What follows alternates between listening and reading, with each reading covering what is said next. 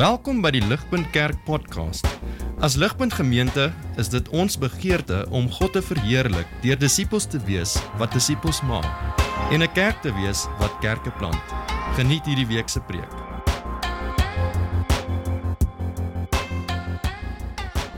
Lees ons uit 1 Petrus 2 vers 9 tot 12. Ek lees die Afrikaanse direkte vertaling. Julle egter is 'n uitverkore geslag, 'n koninklike priesterdom, 'n heilige nasie, 'n volk wat aan God behoort, sodat julle die deugde kan verkondig van hom wat julle uit die duisternis geroep het na sy wonderlike lig. Julle wat eers nie 'n volk was nie, maar nou volk van God is, wat eers nie ontferming ontvang het nie, maar nou ontferming ontvang het. Geliefdes, ek dring daarop aan dat julle as bywoners en vreemdelinge julle weerhou van liggaamlike begeertes wat stryd voer teen die siel.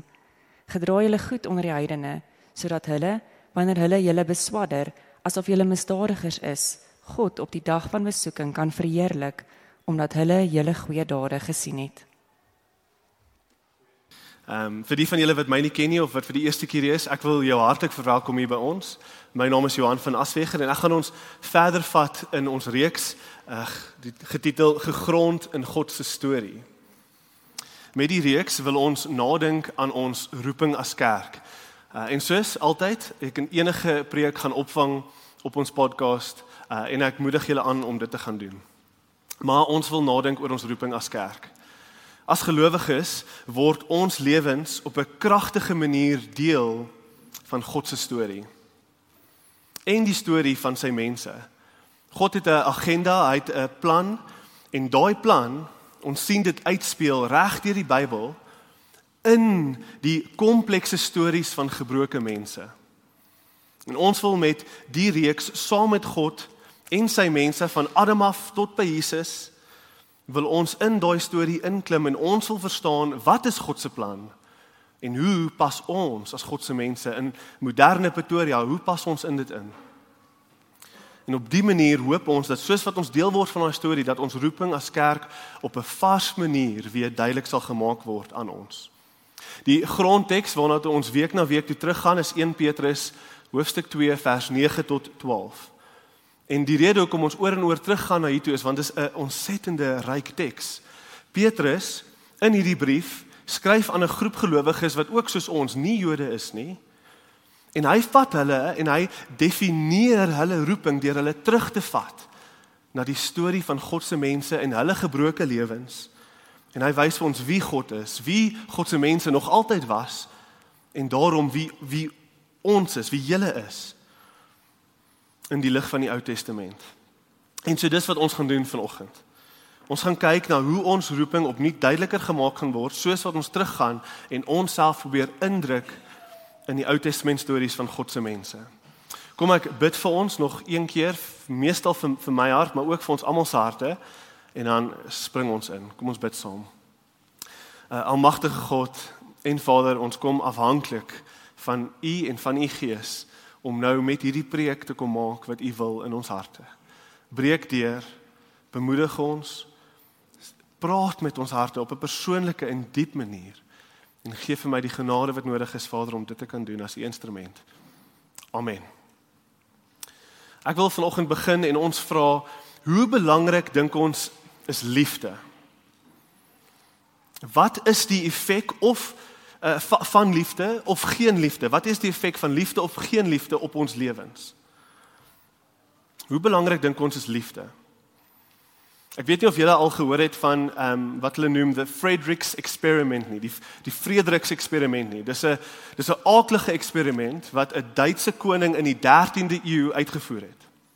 Dit was bedoel om te probeer ontdek watter taal kinders sou praat natuurlik indien niemand met hulle ooit gepraat het nie. Wat is wat is die taal wat in hulle is wat net uit hulle sal uitkom as niemand ooit met hulle praat nie? Geen interaksie behalwe die noodsaaklike nie. En so hierdie koning, koning Frederik in die 13de eeu vat toe babas weg van hulle kinders af en hy probeer hulle in isolasie grootmaak. Geen interaksie behalwe die noodsaaklike nie. Die versorgers mag hulle voer, mag hulle skoonmaak, mag hulle alles gee wat hulle liggaamlik nodig het, maar hulle mag nie 'n woord met hulle praat nie. Geen onnodige menslike interaksie was toegelaat nie. So geen liefde nie. Dit is so simpel en so aklig soos wat dit klink. Natuurlik sou hierdie kinders glad nie kom praat nie indien hulle sou groot geword het. Ons weet dit, dis obvious. Hulle sou nie kom praat as hulle groot geword het. Hulle sou nie kom praat nie. Maar die hartseer en verstommende ding van hierdie babas en hierdie eksperiment was dat hierdie kinders nie oorleef het nie. Hulle het hulle het dit nie gemaak tot op 'n ouderdom waar ons gevolgtrekkings kon maak oor hulle nie. Hulle het almal dood gegaan. Op 'n hartseer en op 'n ekstreme vlak beantwoord dit gedeeltelik ons vraag vanoggend. Vir 'n baba, al kry hy alles wat hy nodig het, hy sal nie hy sal nie sonder liefde oorleef nie. Hy kort liefde. En ek glo God se woord wys vir ons dit bly waar vir ons maak nie saak hoe oud ons is nie. Liefde is noodsaaklik. Liefde is vir die siel soos asem is in die longe wat ons wat ons inasem, soos soos soos lug is in die, in ons longe. En en en dis wat Petrus vanoggend met ons oor wil praat. Hy wil met ons praat oor oor liefde. Hy gaan ons wys dat die middelpunt van ons identiteit en roeping God se radikale liefde is. En dis daar, daai presiese liefde, soos wat dit ons identiteit en roeping word, dit maak ons sy harte vol op 'n manier wat ons nie altyd besef nie, maar dit is ook die hoop van die verlore wêreld om ons. Dis wat Petrus ons gaan wys. Ek het net twee punte vanoggend en ek gaan sommer dadelik inspring nou in ons eerste punt in die storie van God se liefde. Die storie van God se liefde. Onthou Petrus uh, beskryf hier die roeping en die identiteit van die Nuwe Testament kerk. En wat dit so ryk maak is dat elke beskrywing in 2 Petrus uh, vers 9 tot 12, elke beskrywing is gegrond in die ryk geskiedenis van God se mense in die Ou Testament. En vanoggend raak hy aan een beskrywing wat al die ander moontlik maak. God se liefde vir ons. Lees gou weer saam my vers 9. Kyk gou op julle blaadjie saam met my. Vers 9 gaan so, ons het dit al gelees, julle is 'n uitverkore geslag 'n koninklike priesterdom, 'n heilige nasie. En dan die een waarby ons wil stil staan vanoggend, 'n volk wat aan God behoort. 'n Volk wat aan God behoort. En ek gaan vir julle wys, dis liefdestaal. Dis liefdestaal. Kyk saam met my na vers 10. Hy beskryf hulle as 'n as 'n mense waarvan die volgende waar is. Julle is 'n mense wat nie eers 'n mense was nie. Julle was niks. Maar nou is julle God se mense. Julle was 'n mense wat geen genade ontvang het nie. Maar nou het julle God se genade en ontferming. Die engel sê once you were not a people but now you are God's people. Once you had not received mercy but now you have received mercy. En dan in vers 11 noem hy hulle geliefdes. Geliefdes. Dis 'n titel wat alles saamvat wat hy uh, wil wil noem oor hulle. Julle is geliefdes. Dis 'n opsommende titel wat hy gee vir die Nuwe Testament gelowiges. Dis wie julle is. Julle is geliefdes. Julle is 'n mense wat God se liefde ontvang het, 'n mense wat God se genade en guns oor julle het. Nie omdat julle spesiaal is nie, maar omdat God vol liefde is. En omdat hy ons nie wou los in ons sonde nie. 1 Johannes hoofstuk 4 God is liefde. Nou terug by die opskrif. So amazing soos wat dit als klink, daar is 'n kragtige storie agter hierdie woorde wat hierdie liefde vir ons wil illustreer. Al vind uh, al, al vind ons al hierdie terme elke liewe een van hierdie temas vind reg deur die deur die Bybel plaas, maar maar al hierdie frases spesifiek wat Petrus in gedagte het Soos wat hy hierdie gelowiges probeer oortuig van van van God se liefde vir hulle. Hierdie liefdestaal kom alles uit Hosea uit. Die Ou Testament profeet. Hosea is 'n storie wat werklik een van die kragtigste stories is van God se liefde vir ons. Vir ons wat uh, nie getroud is met die storie nie, die storie kortliks is so. God sê vir Hosea, jou lewe moet 'n uitbeelding wees, 'n 'n 'n real-time illustrasie wees van my verhouding met Israel. Jou lewe gaan 'n storie en 'n prentjie wees van my liefde vir Israel. En so hier's jou instruksies, Hosea. Die Here sê vir Hosea: "Gaan en kry vir jou 'n vrou wat 'n prostituut is." Die engel sê 'n wife of whoredom. Hy doen dit toe. Haar naam was Gomer. En hulle lewe 'n uh, 'n lewe saam. Hulle kry twee kinders uh saam wat baie interessante name het. Die eerste kind is uh, is Lo Ruhama wat beteken no mercy. Sy kind se naam, no mercy. En die ander ene se naam was Lo Ami wat beteken not my people. As jy ooit spyt was oor die naam wat jou ouers vir jou gegee het. Hierdie twee kinders was not no mercy and not my people. Die name was tekens van hoe die Here gevoel het oor sy mense in daai tyd en plek. Gegee hulle sonde en hoe hulle weggedrol het van die Here, is dit hoe hy oor hulle gevoel het. No mercy, not my people. Maar eintlik is dit 'n amazing verhaal. Gomer kry 'n tweede kans. Gomer, Gomer is vry. Het 'n goeie man, sy kinders. En ons moet onsself so 'n bietjie in die storie inleef. Dink vir 'n oomblik daaraan. Niemand op die dorp sou gesê het sy gaan sy gaan eendag trou met 'n goeie man nie. Sy gaan trou met 'n profeet nie. Nie niemand sou dit gesê het van Gomer nie. 'n Mens sou gedink het sy sou dankbaar gewees het. Sy het letterlik 'n kans gekry, 'n tweede kans gekry wat geen ander in haar posisie ooit sou ontvang het nie. Maar die storie gaan aan. In Hosea 3 lees ons verstom dat Gomer teruggegaan het na haar ou lewe toe. Sy het teruggegaan na haar ou lewe toe. Sy het haarself weer gaan gee vir ander mans. Sy het haarself uh, sy het, sy het alles wat Hosea gedoen het, het sy opgespoeg. En en en dis daai tipe taal, jy het gespoeg op. Dis dis harde taal wat jy in Hosea lees oor hoe die Here praat oor Israel en oor uh Gomer se posisie. Dis jy gespoeg op my liefde. Dis harde taal. Uh kommentators beweer dat die tweede kind Loami uh dis eintlik 'n Hebreëse woordspeling wat ook kan beteken nie my kind nie. Nie my mense nie, not my people, nie my kind nie. En so daar's 'n groot kans dat Hosea beleef in sy tweede kind dis 'n ander man se kind. Dis nie my kind nie. Hoe voel 'n mens in Hosea se posisie daaroor? Hoe voel 'n mens in daai oomblik? Wat jy wat jy hierdie besef, hoe hoe voel 'n mens? Hoe hanteer jy so iets? Hoe hanteer jy daai persoon? Hosea kon vir homself enige vrou gekies het.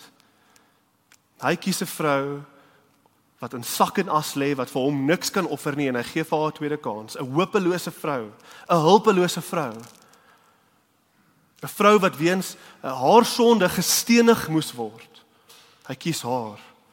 En hierdie is hoe sy hom terugbetaal. En so hierdie is hoe dinge uitgespeel het. Ek vra julle, wat sou julle gedoen het in daai situasie? Want weer verstom, die storie gaan aan. So gebreek soos wat Hosea se hart is, lees ons in Hosea, die storie gaan aan. Die Here sê vir Hosea, Hosea, jou lewe met Gomer, dit is my verhouding met Israel. Wat jy beleef met Gomer, dit is wat ek beleef met Israel. So gebreek, soos wat jou hart voel, Hosea, so seer, so kwaad. Dit is my verhouding met Israel. Lees hierdie uh, twee uitstaan verse in Hosea saam met my. Hosea 2 vers 13 behoort vir ons op te kom. Lees hierso. She adorned herself with ring and jewelry and went after lovers and forgot me, declares the Lord. Hosea 11 vers 1 en 2. When Israel was a child, I loved him. And, and out of Egypt I called my son. The more they were called, the more they went away, and they kept sacrificing to the Baals and burning offerings to idols. Hierdie is my verhouding met Israel, Hosea. Al was ek teenoor Israel uitermate goed, al was hulle nie 'n mense nie en ek red hulle uit Israel uit, het hulle my uitgeruil vir hout en klip. Wat jy voel, Hosea, is wat ek voel. Wanneer ek na my kind Israel kyk. As ons net weer eens bietjie hier stil staan Wat sal die regte ding wees vir die Here om te doen? Wat sal die regte ding wees vir Hosea om te doen? Wegloop? Wegloop, ten minste wegloop. Dalk erger? Verdien sy vergifnis? Verdien Gomer vergifnis? Verdien sy 'n derde kans? Het sy nie nou al bewys sy is verby dit nie? Geen hoeveelheid kansse gaan haar lewe kan omdraai nie. Die manier hoe haar storie geskryf is en Hosea probeer die punt maak, sy verdien nie vergifnis nie. Rarig nie, sy doen nie. Die situasie en die prentjie wat die Bybel vir ons probeer skep is nee, sy verdien geen kans nie. Sy het haar kansse gehad. En hier gaan die storie aan. Op hierdie punt volg God se volgende instruksies aan Hosea. En hierdie behoort ons regtig weg te blaas. As jy gedink het jy verstaan God se liefde, okay. Hoor wat die Here volgende vir Hosea sê. Hosea 2 vers 23. Lees saam met my. I will have mercy on no mercy. And I will say to not my people, you are my people.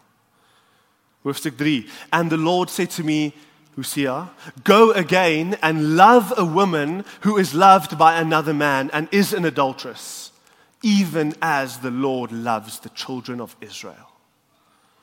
Though they turn to other gods. Hoofstuk, hoofstuk 3 vers 2. So I bought her for 15 shekels of silver and a measure of barley. So I bought her. Dink daaraan. Dink staan net stil by hierdie Hosea moes weer gaan na daai deel van die dorp toe waarna niemand toe wil gaan nie. In die donker straatjies moes hy gaan inwandel en sy vrou gaan uitsoek. Hy kry haar nie in die eerste gatjie van van van sonde nie. Hy soek haar op al die bad plekke. Hy gaan soek haar. En toe hy haar kry, toe moes hy haar koop. Vir 15 stukke silwer en 'n bietjie koring. Sy was klaar, sy vrou en hy moet haar gaan koop. Sy was klaar syne. Hulle het getrou. Hy was hare en sy was hare. Maar maar weens haar selfsugtige besluite en sonde moet hy haar gaan uitsoek. En weens haar selfsug moet hy gaan betaal vir haar. En in die proses kry sy kinders nuwe name. No mercy word genade. Jy kry weer genade. Jy is weer 'n kind van genade. En en die die kind van 'n ander man jy's 'n ander man se kind, jy word my kind, my people. Ligpunt hierdie is radikale diep pynlike seer opofferende liefde. Hierdie is nie maklike liefde nie. Hierdie is diep opofferende liefde. Hierdie is die storie van God se liefde wat Petrus na die Nuwe Testament kerk te wil bring. Hy gebruik hierdie presiese woorde, not my people, you are my people, no mercy, mercy. Hy gebruik hierdie presiese woorde want hy wil sê Nuwe Testament kerk, ligpunt, julle Jesus se liefde vir julle is Hosea liefde. Hy het betaal vir jou selfsug. Vir jou diepste donkerste sondes, vir al jou tekortkominge in die verlede, in die hede en in die toekoms het hy voorbetaal. Al was hy onskuldig. Al het ons ons rug gedraai op hom en al doen ons dit steeds. Het hy na daai deel van die dorp toe gegaan waar niemand wil gaan nie Hy het jou daar gaan uitsoek gelowige. Sodat ons wat nie mense was nie, sy eie kinders kon word. Dis die punt wat Petrus bemoer maak. Ligpunt, Jesus se liefde is Hosea liefde. En dis vir julle. En ek wil net dit baie baie duidelik maak vanoggend. Dit is nie 'n goedkoop liefde nie. Dit is nie 'n liefde wat jou sondes onder die mat uitvee en sê kom ons vergeet daarvan nie. Dit is nie dit nie. Dit is 'n kosbare liefde waarvoor sy eie bloed as prys betaal moes word om jou sonde weg te vee. Dis 'n duur liefde. Jesus het sy lewe gegee soos Hosea innerlik dood moes gaan in skande en skaamte toe hy sy eie vrou moes gaan uitsoek en moes betaal vir haar so lê Jesus kaal op die kruis jou sonde word sy sonde jou jou plek word sy plek dit is duur dit is duur sodat ons weer onthou vers 9 die liefdestaal sodat ons weer nie net God se mense kan word nie, maar sodat ons weer God se besitting kan word. A people of God's own possession. Die taal hier is nie besitting nie. Dis nie soos die TV in jou huis wat jy besit nie. Dis liefdestaal. Dit is kosbare en diersame geliefde. Ek besit jou soos 'n man en 'n vrou mekaar besit. Jy is myne en niemand anders se nie en ek is ek brand van jaloesie as ek dink aan die feit dat jy na iemand anders toe moet gaan. Jy's myne. Dis wat die Here daar sê in vers 9, you are my possession. Ek is jaloers vir jou. Ek is jaloers. Dis intieme jaloerse liefde. Dis die taal wat die Here aan ons wil wil deurgee in hierdie in hierdie stuk. Julle is myne, sê die Here. Julle is myne. Ek wil net nog een keer sê voor ek na die volgende punt toe aanbeweeg, ligpunt. Ons storie is Israel se storie. Ons moet onsself in daai storie inlewe. Ons moet dit ontvang. Ons storie is is 'n storie. Once we were not a people. Ons was verlore, ons was niks en ons het niks gehad wat ons vir God kon gee nie. But now you are God's people. Sy eie geliefde mense. Once you had not received mercy. Julle was hopeloos, in sonde en selfsug, verdoem tot 'n ewige hel. Julle verdien niks nie. Julle verdien nie 'n tweede kans nie, 'n derde kans nie. Julle verdien nie 'n tiende kans nie. But now, te dankie aan Jesus en die dierprys wat hy betaal het, you have received mercy. Mercy upon mercy upon mercy. Dis die prentjie van God se liefde wat Dis die storie wat Petrus sy mense na toe wil vat. En dit bring ons na die tweede punt toe. Die die krag van die liefde, die die effek van hierdie liefde. Wat is die krag van hierdie liefde? Watse vrug dra hierdie tipe liefde in ons lewens? Daar's 'n paar goed wat ek hier wil noem. So bear with me. Ek gaan dalk 'n bietjie rondspring en en 'n paar goeters noem, maar ek het my bes probeer om om dit duidelik te maak. Maar dink gou saam met my weer terug aan die Frederiks eksperiment en en daai babas wat dood gegaan het weens die liefde wat hulle nie ontvang het nie. Dit bly waar van ons as mense. Meer as wat ons besef. Ons kort liefde. Enige plek waar liefde gekweek word en ontvang word, dit is genesend. Maar enige plek waar ons isolasie of verwerping beleef, dit lei tot diep seer, maar meer as dit, na COVID is daar studies wat hierdie bewys. Dit dit dit lei tot siekte, liggaamlike siekte. Isolasie lei tot vroegtydige dood toe. En in sekere gevalle verwerping en isolasie, dit lei tot gewelddadige woede Kinders wat in skole rondloop en mekaar skiet. Liefdeloosheid dit maak jou siel siek. En dit affekteer alles. Dis ekstreme gevalle, maar dit ek wil dit affekteer alles. Dit affekteer hoe jy kyk na jou man of vrou eendag wanneer jy trou of getroud is. Dit affekteer hoe jy jou kinders gaan hanteer. Dit affekteer alles, hoe jy vriendskap doen, hoe jy dit affekteer alles. Hierdie is waar vir almal, vir elke mens. Die hele wêreld is op die oomblik bewus van van hierdie. Ons is ons is dis dis naby aan ons. Eensaamheid, angstigheid, depressie in ons moderne wêreld, dis 'n pandemie. Gedeeltelik omdat tegnologie ons meer en meer wil laat onttrek van mense. As jy nog wil besluit op 'n beroep, uh en jy dink aan 'n beroep, dit is nie 'n slegte tyd om 'n sielkundige te wees nie. Rarig. Dit is 'n moderne pandemie in ons wêreld. En enige iemand of hulle 'n gelowige is of nie, ek wil vir jou sê, die hele wêreld het hierdie nou net beleef. Of jy 'n gelowige is of nie, of jy deel is van 'n kerk of nie, die hele wêreld weet dat vriendskap, meaningful relationship maak 'n massiewe verskil in enige iemand se lewe. Dit is genesend. Dit is genesend. Horisontale verhoudings van liefde maak 'n massiewe verskil. Almal weet dit. Nou, ek wil vir julle sê, as horisontale verhoudings so groot 'n verskil maak wêreldwyd dan hoeveel te meer nie ons vertikale verhouding met God nie. God is liefde en ons diepste sielsbegeerte is liefde. Die wêreld is siek weens daar's nie liefde nie. En die Here sê ek is liefde. Hierdie verhoudings, hierdie horisontale verhoudings gaan jy gaan sien, dit gaan 'n verskil maak. Maar wat ons regtig desperaat nodig het, is 'n horie is 'n vertikale liefde. Dis die boodskap van die Bybel. Die boodskap van die Bybel, die boodskap wat Jesus kom bewys het deur sy lewe en deur sy tyd hier saam met ons op aarde, is dat God is liefde.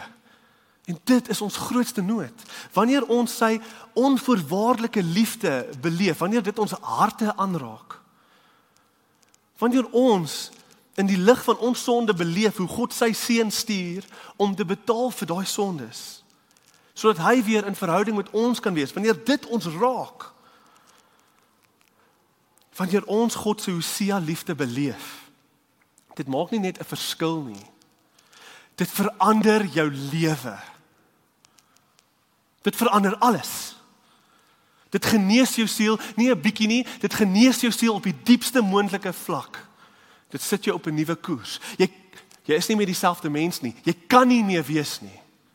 Nie as hierdie liefde jou aanraak nie. As hierdie vertikale liefde jou raak, kan jy nie meer dieselfde mens wees nie. Dis die krag van hierdie liefde. Dis die effek van die liefde. Al ons probleme, al ons sonde, al die maniere hoe ons hoe, hoe ons uitlash en en hoe ons ons gebrokenheid in die lewe uitlewe, alles, ons sonde alles. Alles wat fout is met ons kom van die feit dat ons as die mens afgesny is van ons Vader en Skepper af. Ons kort weer daai liefde en dis die punt. Dis wat Petrus probeer sê. Julle gelowiges, Julle is 'n mense wat dit klaar ontvang het. Onthou, ligpunt, Petrus praat hier identiteitstaal. Dit beteken hy sê hierdie liefde, gelowiges, hierdie liefde is wie julle is. Julle julle is geliefdes.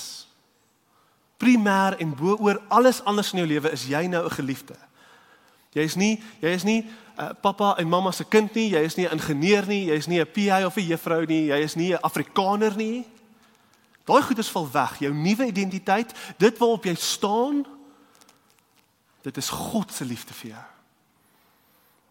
Elke ware Christen is 'n Christen volgens Petrus omdat hy reeds verander is op 'n manier wat hy kan nooit weer teruggaan nie. En elke Christen moet in hierdie wedloop van Christendom, hy moet vashou aan die liefde want hierdie liefde is wat hom weekliks, daagliks, jaarliks. Dit is die petrol vir sy aanhoudende verandering en groei in Christendom. Hierdie is jou identiteit. Al wandel ons van die pad af. Al vergeet ons, al sondig ons. Al, al ons bly veilig in die radikale liefde van God in Jesus vir ons wat ons klaar gaan haal het in die diepste donkerste akligste plek. Hoekom gaan hy jou nou laat gaan? Hy gaan nie. Dis wie hy is. 'n ware kind van God wil ek sê ons moet hierdie hoor. 'n Ware kind van God maak baie foute. Nie een van ons hier is perfek nie. Kerk is 'n plek van sondaars wat vergewe is. Ons maak baie foute. Ons val in baie slaggate. Maar die verskil is, die ware Christen val terug op God se onvoorwaardelike liefde. Dis die verskil. Ons val terug op God se onvoorwaardelike liefde. Hierdie liefde is wat ons na toe terugkom en hierdie liefde is wat ons terugbring. Dis die effek en die krag van God se liefde. Om hierdie te illustreer, het ek op 'n 'n ou se storie verskoon my, ek het op 'n ou se storie afgekom. Die ou se naam is Will Spear. Will Spear, hy was in 2023 oral in Amerika se nuusberigte. Will Spear uh, is 'n gevangene op death row, maximum security. Okay? En hy was in die nuusberigte want die persoon wie hy doodgemaak het, sy sussie, het vorentoe gekom en gesê ek wil nie hê julle moet hom jou doodmaak nie. Hierdie ou het verander. Hy moenie meer doodgemaak word nie. En toe maak dit die nuus en almal skryf oor hierdie ou. Kom ek lees gou vir julle 'n bietjie agtergrond van sy storie. Dis nie op 'n slide nie, dis 'n nuusberig. So ek gaan dit net lees. Hoor net hierdie ou se storie en hoe hy in die tronk beland het. Mr Spear was beaten as a child and forced to take drugs by his father. When and if he wet his bed, he was placed in a corner with a urine, a urine soaked underwear on his head as punishment. He was burned with cigarettes by his stepfather, sexually abused by a teenage acquaintance, and his stepfather later murdered his mother. With this upbringing, he naturally had learning disabilities and was severely bullied leading to him desperately to seek inclusion from his peers. At 16, older boys convinced Mr. Spear to murder the father of a friend, which he did. Spear's own words I was willing to do anything to make or keep a friend. Mr. Spear was tried as an adult and received a life sentence. And after 10 years in prison, he sought protection from a gang which ordered him to murder another prisoner, and at 27, the jury sentenced him with the death penalty. Dis hierdie ou se storie. Wat 'n kans staan hierdie ou? Hoe hy groot gemaak was. En hoe hy verder in een gat na die ander ingetrek was. Wat 'n kans staan hierdie ou? Hoeveel mense sal jy ken wat sal luister na hierdie storie en sê ja, ja, ja, ons hoop vir hom. Hy gaan hy kan gerehabiliteer word. Hy staan 'n kans. Wel, hy was gekies as een van 28 gevangenes om deel te neem aan 'n 'n Christelike beradingskursus vir vir vir weke. Dis 'n jaar lank lank in die tronk. En in daai kursus het hy uitgeroep: "Here, red my." En in sy eie woorde praat hy van die diepste liefde van sy lewe, 'n liefde wat hy nog nooit ontvang het nie. Het hy ontvang daai dag? Skus, ek jam. Diepste liefde van sy lewe het hy daai dag ontvang en hy was vergewe. En hy kan dit nie beskryf nie. Dit het oor sy siel gekom. En hy was nooit weer dieselfde nie. En hy preek nou, hy tans, hulle het die hofsaak gewen. Hy was nie die doodstraf gegee nie. Hy preek nou en weekliks en elke week vir solank as wat hy 'n gelowige is, preek hy weekliks op die op die radiotronk boodskappe vir al die vir al die gevangenes. Hy het al honderde duisende mans, honderde en duisende mans tot geloof gebring. Daar in die donkerste, aakligste plek van ons samelewing. En die crazy ding is, hierdie is een van honderde duisende sulke stories wêreldwyd Wanneer die evangelie in die tronke inkom, dan doen dit dit nie net met hom nie. Dit doen dit met baie baie mans, meer as wat die samelewing weet wat om mee te doen. Waar eenvoudige vriendskap, ure se sielkundige selfhelp selfs ander gelowe waar daai goeders geen verskil kan maak nie kom die liefde van Christus in tronke in wêreldwyd en dit verander lewens. Dit genees die siel op 'n manier wat geen verklaring voor moontlik is. Geen ons verstaan dit net nie. Tronkwagte kom tot bekering soos wat hulle hierdie beleef. hierdie weer eens is net 'n illustrasie van hoe diep hierdie liefde ons verander. Ek wil vir ons almal sê as as jy hier is en en jy verstaan nie hierdie liefde nie. Dalk sien jy jouself as 'n gelowige. Dalk kom jy al lank na die kerk, dalk is jy nuut, dalk is dit jou eerste Sondag of is al 'n paar weke hier. Asseblief, as jy nie hierdie liefde verstaan nie, dan moet jy begin soek daarvoor. En niks mag jou keer nie. Kom elke Sondag. Gaan na alles toe, gaan na gesinne toe, bid met mense, roep uit en skree so hard as wat jy kan en sê ek verstaan nie die liefde nie en ek kort dit.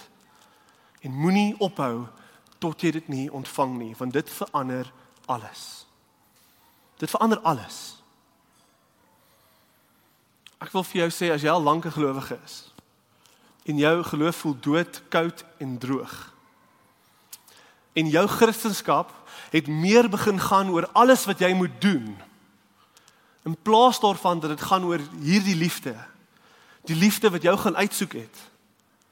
Dan wil ek vir jou sê, kom net terug na hierdie liefde toe asseblief. Hierdie is die petrol vir jou siel. Dit was toe jy eers tot bekering gekom het en dit bly so en dit gaan so bly tot jy hemel toe gaan. Bly in hierdie liefde. Kom terug na hierdie liefde toe. En dan wil ek sê ligpunt vir ons as kerk en hoe hierdie liefde betrekking die effek wat hierdie liefde moet hê op ons roeping as kerk. Ons is 'n gemeenskap van geliefdes.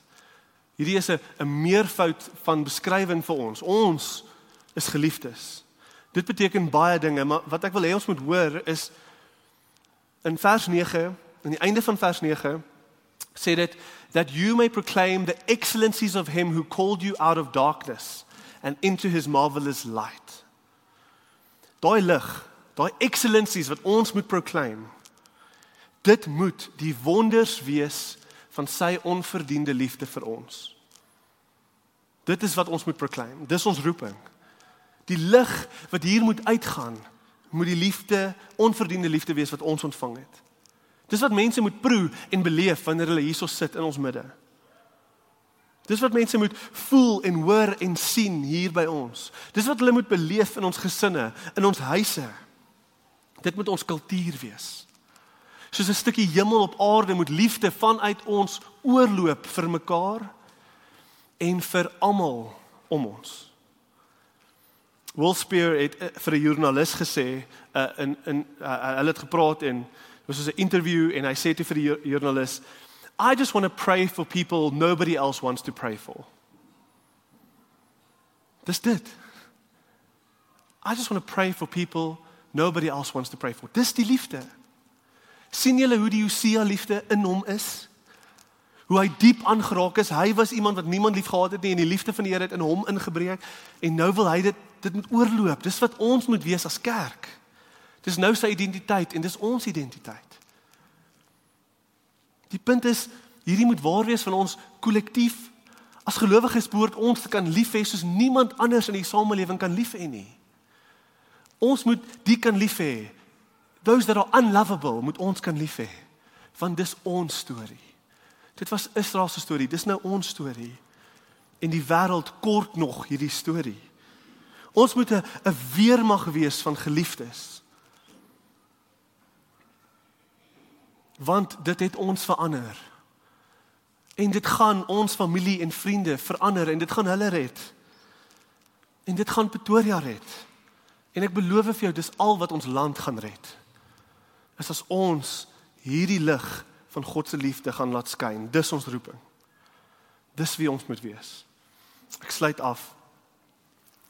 Geliefdes. Once you were not a people, but now you are God's people. Once you had not received mercy, but now you have received mercy. Hierdie is God se woord. Kom ons bid saam.